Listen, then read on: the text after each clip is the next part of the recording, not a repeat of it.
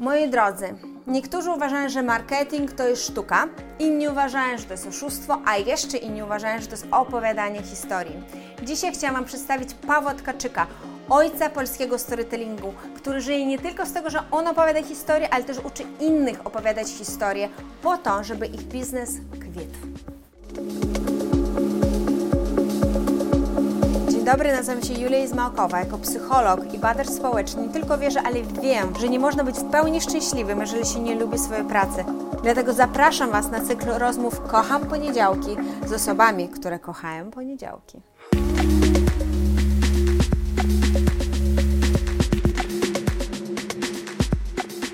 Jak to jest żyć z opowiadaniem historii, to nie swoich? E, bardzo dobrze, no. Widzisz, ty byś chciała, żebym opowiadał swoje historie, ale moje nie są takie fajne jak innych historii, także... Jak stolarz zrobi stół, to to jest jego stół i on jest albo dobry, albo niedobry, albo tam krzywy, albo porządny.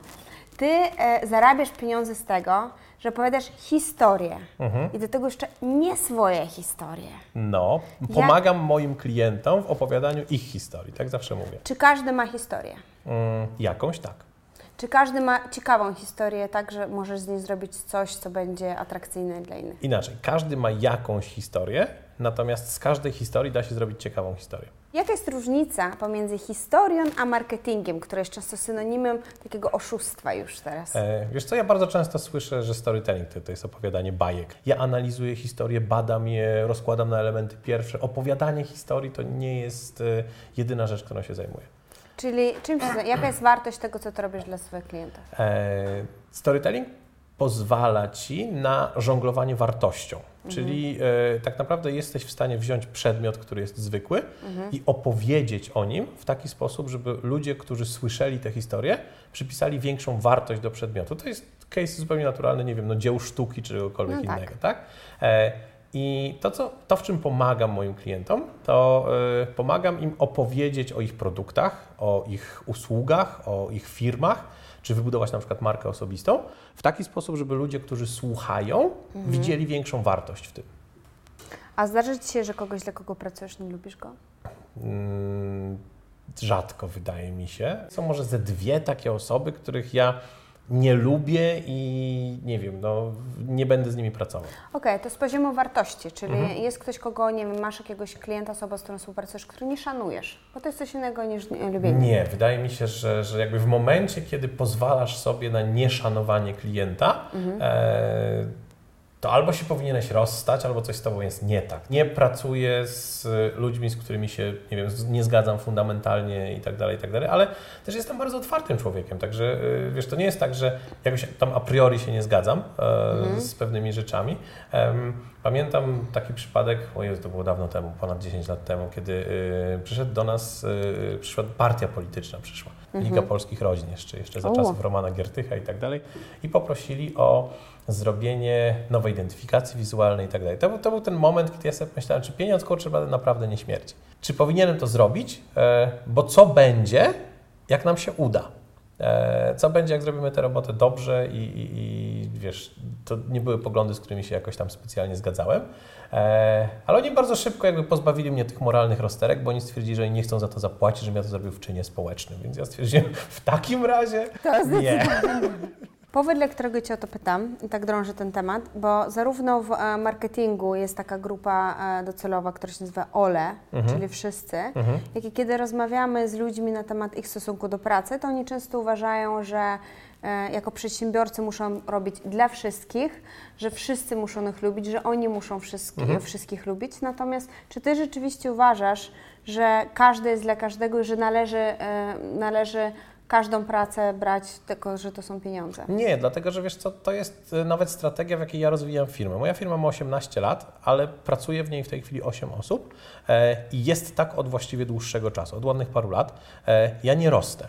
E, I moja firma nie rośnie świadomie, dlatego że myśmy sobie stwierdzili, że wolimy sobie wybierać klientów, niż e, brać wszystko kosztem tego wzrostu i tak dalej, i tak dalej. Więc, więc e, absolutnie nie uważam, że moja firma jest dla wszystkich i nie uważam też, że wszyscy są dla mojej firmy. Naprawdę jest tu mnóstwo miejsca dla wszystkich. Czy to jest ok, nie być dla kogoś? Absolutnie. Ty budujesz silne marki, tak? Się się. Czy ty sam masz silną markę? Nie jestem Dodą, nie jestem Martyną Wojciechowską. E, naprawdę, no. Wierzę, że powinienem się podpisywać pod tym, co robię. Czyli, czyli jeśli e, mówię ludziom, hej, pomogę Ci wybudować silną markę, e, no to jednym z tych moich autorytetów, jed- jednym z tych punktów, na których buduję autorytet, jest- to, jak wybudowałem swoją. A zdarzyło Ci się nie dowieść, ponieść Mm. porażkę i nie zbudować? O Jezu, wielokrotnie. Jak sobie z tym radzę? Y, Przepraszam, y, czasem zwracam pieniądze. Robimy warsztaty i klient wychodzi niezadowolony z rezultatu. To, to jest dla mnie taka osobista porażka i właściwie wydaje mi się, że miałem to jeden raz w y, karierze. E, Ja w tym momencie mówię absolutnie, y, jakby zwracamy pieniądze i jeśli nie dowiozłem tego, czy co się spodziewałeś, to, to absolutnie wiesz. Zdarza mi się czasem przy przemawianiu publicznym, tak, mieć poczucie, że położyłem prezentację, e, ale to nie jest kwestia tego, że nie dałem z siebie wszystkiego, tylko to jest kwestia tego, że na przykład, nie wiem, źle przeczytałem salę. Ja absolutnie wiem, że położyłem prezentację. Okej. E, natomiast e, było to z powodu tego, że na przykład, wiesz, e, źle odczytałem salę, e, oni się spodziewali czegoś innego i tak dalej, i tak dalej. To nie jest to, że ja wyszedłem na scenę, e, no i sobie tam olałem sprawę. he, he, he. Nie, po prostu gdzieś po drodze popełniłem błąd, absolutnie uznaję ten błąd, e, staram się z niego czegoś nauczyć, natomiast nie wiem, no nie zdarza się to tyle często, żeby mi jakoś tam to gryzło i stwierdzałbym, że do niczego się nie nadaje. Czy nie masz takiej sytuacji, że tak myślisz? Nie, Boże, nie. Boże, to chyba tak mężczyźni mają tylko... Dlaczego tak mówisz? No, wiesz, to jest taka cecha psychologiczna za perseweratywność. I tak No. w kółko mielisz. I on niestety No. częściej mają kobiety. Ja mam wrażenie, że mam ze wszystkie kobiety świata, wiesz? Jeżeli gdzieś tam mi się nie uda, to po prostu ja pamiętam wszystkie moje porażki sprzed, w ogóle wiesz. tego nie mam. Wspaniała E, cecha. Z tego też słynę, że mam jakby y, pamięć złotej rybki, nie rozpamiętuję, e, Czy- załatwiam sprawę i przechodzę dalej. A powiedz mi, a co byś poradził takim osobom, które właśnie są takie jak ja lub takie jak nie ja, ale e, nadal dla nich porażka, wiesz, tak trochę ich e, e, przygniata? Znaczy wiesz co, po pierwsze powiedziałbym Ci, że e, jesteś osobą, która najbardziej sobie zdaje sprawę ze swojej porażki, dlatego że e, porażka z takiego psychologicznego punktu widzenia to jest ten dysonans poznawczy, tak? Tak. Czyli różnica między tym, czego się spodziewałaś, a co dostałaś. E, Ludzie, którzy na przykład obserwują, jak występujesz na scenie, e, dajesz przemówienie i tak dalej, nie mają zielonego pojęcia, jak to powinno wyglądać, oni dostają tylko to, co dostali. I bardzo często jest tak, że ty wiesz, że powinno być lepiej, ale ludzie są mega zadowoleni, więc, więc w momencie, kiedy sobie to uświadomisz, e, no to, to, to, to jest jedna rzecz. Druga rzecz e, to jest kwestia postrzegania rzeczywistości. Są ludzie, którzy patrzą na rzeczy e, jako na całość, której czegoś brakuje. Właściwie wszystko, co, co postrzegają, to jest postrzeganie całości, której czegoś brakuje. Czyli są pierwsi Tak. w wy, wytypowaniu, tu czegoś brakuje, Tak, tu jest tak. błąd i tak dalej, i tak dalej. A jaka jest rola w tym Twojej żony? Bo ona tak Cię trochę ujarzmia w tym, że jesteś taki fruwający ze swoimi pomysłami, zawsze bardzo jej otwarcie dziękujesz za to, że ona się zgodziła razem z Tobą prowadzić tą firmę. I na ile ona Ci pomaga też realizować e, t- e, Twoje pomysły? Jaka jest, jaka jest rola takiego partnerstwa w, w No pracy? bez niej nie dałbym rady, w sensie takim, że e, po pierwsze ona jest moim absolutnym przeciwieństwem, moim uzupełnieniem i tak dalej, i tak. E, Ona e, trzyma w kupie firmę w momencie, kiedy ja podróżuję, bo, bo jakby taki jest podział, tak, że, że e, ja podróżuję, ale gdybym tylko ja podróżował, to firma bez nadzoru by się e, rozpadła, więc to plus ona na przykład zwraca uwagę na wszelkiego rodzaju szczegóły, różne rzeczy. Ja nie jestem dobry w pieniądze, ja nie mam zielonego pojęcia, ile zarabiam pieniędzy. Ona pilnuje pieniędzy, dlatego że ja nie potrafię policzyć podatków. No, też. no więc właśnie o to mi chodzi, że, że bez niej nie zrobiłbym jednej dziesiątej tego, co, co jestem w stanie robić. Lubisz poniedziałki? Y, Wiesz co, to jest zabawne dlatego, że ja nie mam poniedziałków. E, Ja się zawsze śmieję, że poniedziałek jest wtedy, kiedy ja powiem, że jest, e, bo ja bardzo dużo pracuję i bardzo często pracuję w weekendy. Właściwie do, nie wiem, czerwca nie mam ani jednego wolnego weekendu, e, bo uczelnie i tak dalej, i tak dalej. I bardzo często jest tak, że na przykład ja pracuję przez weekend i sobie robię poniedziałek wolny, albo na przykład muszę pracować weekend, poniedziałek, jeden dzień w tygodniu, który mam wolny, to jest, to jest wtorek, środa albo coś takiego, nie? E, więc ja sobie ten wolny dzień nazywam niedzielą i dzień, który następuje po niedzieli jest poniedziałkiem, więc jakby...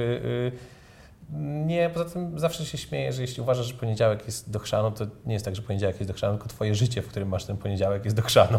Więc zmień se życia, a nie Czy... ten. Także nie, ja jestem generalnie zadowolony. Czy można tworzyć fascynującą historię na temat swojej firmy, swojej marki, jeżeli tak naprawdę nie lubi się swojej pracy? Historia jest kreacją od początku do końca.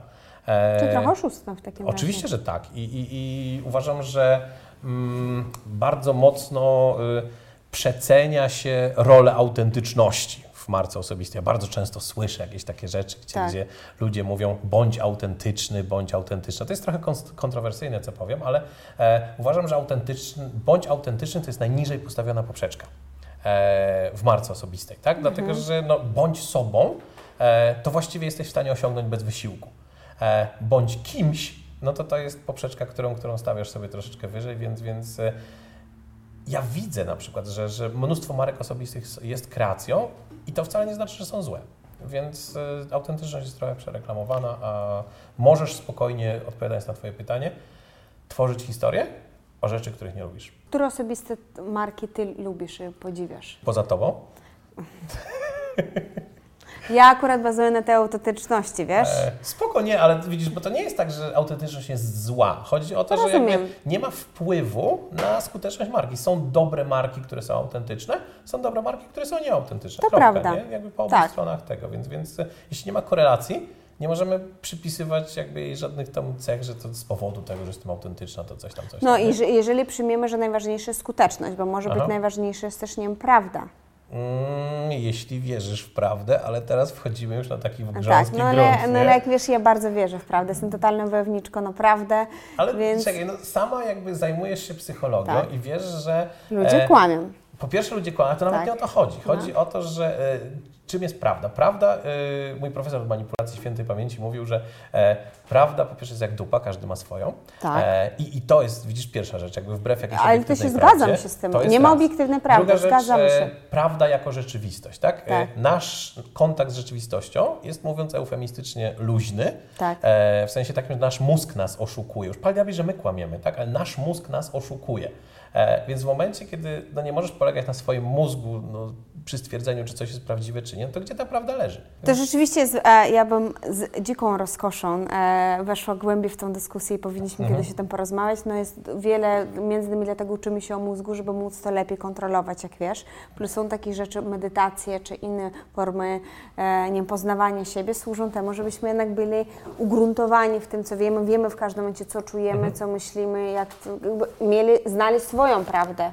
Ja no zgadzam właśnie, się, że, że nie ma czegoś takiego no. jak obiektywna prawda. Żyjemy w krajach, w których e, ludzie ledwo płacą za rzeczy namacalne, mhm. a co dopiero za nienamacalne, jakim jest rada, e, nie wiem, strategia, mhm. historia. Jaką masz radę dla tych, którzy również chcieliby e, żyć z rzeczy takich nienamacalnych, e, a uważają, że to jest w naszym kraju niemożliwe?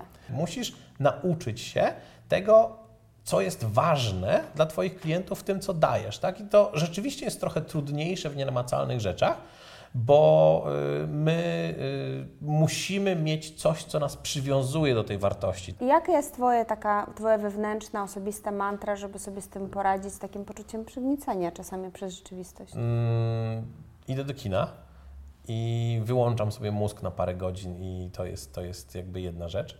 E, wysypiam się. No i robię sobie przerwy, no matko kochana. Ciekawa jestem, czy Wy się zgadzacie z e, Pawłem Tkaczykiem, że e, bycie sobą jest to najłatwiejsza rzecz na świecie, wręcz za łatwa i należy stawiać sobie większe wyzwanie. Podzielcie się proszę swoją opinią ze mną w komentarzach.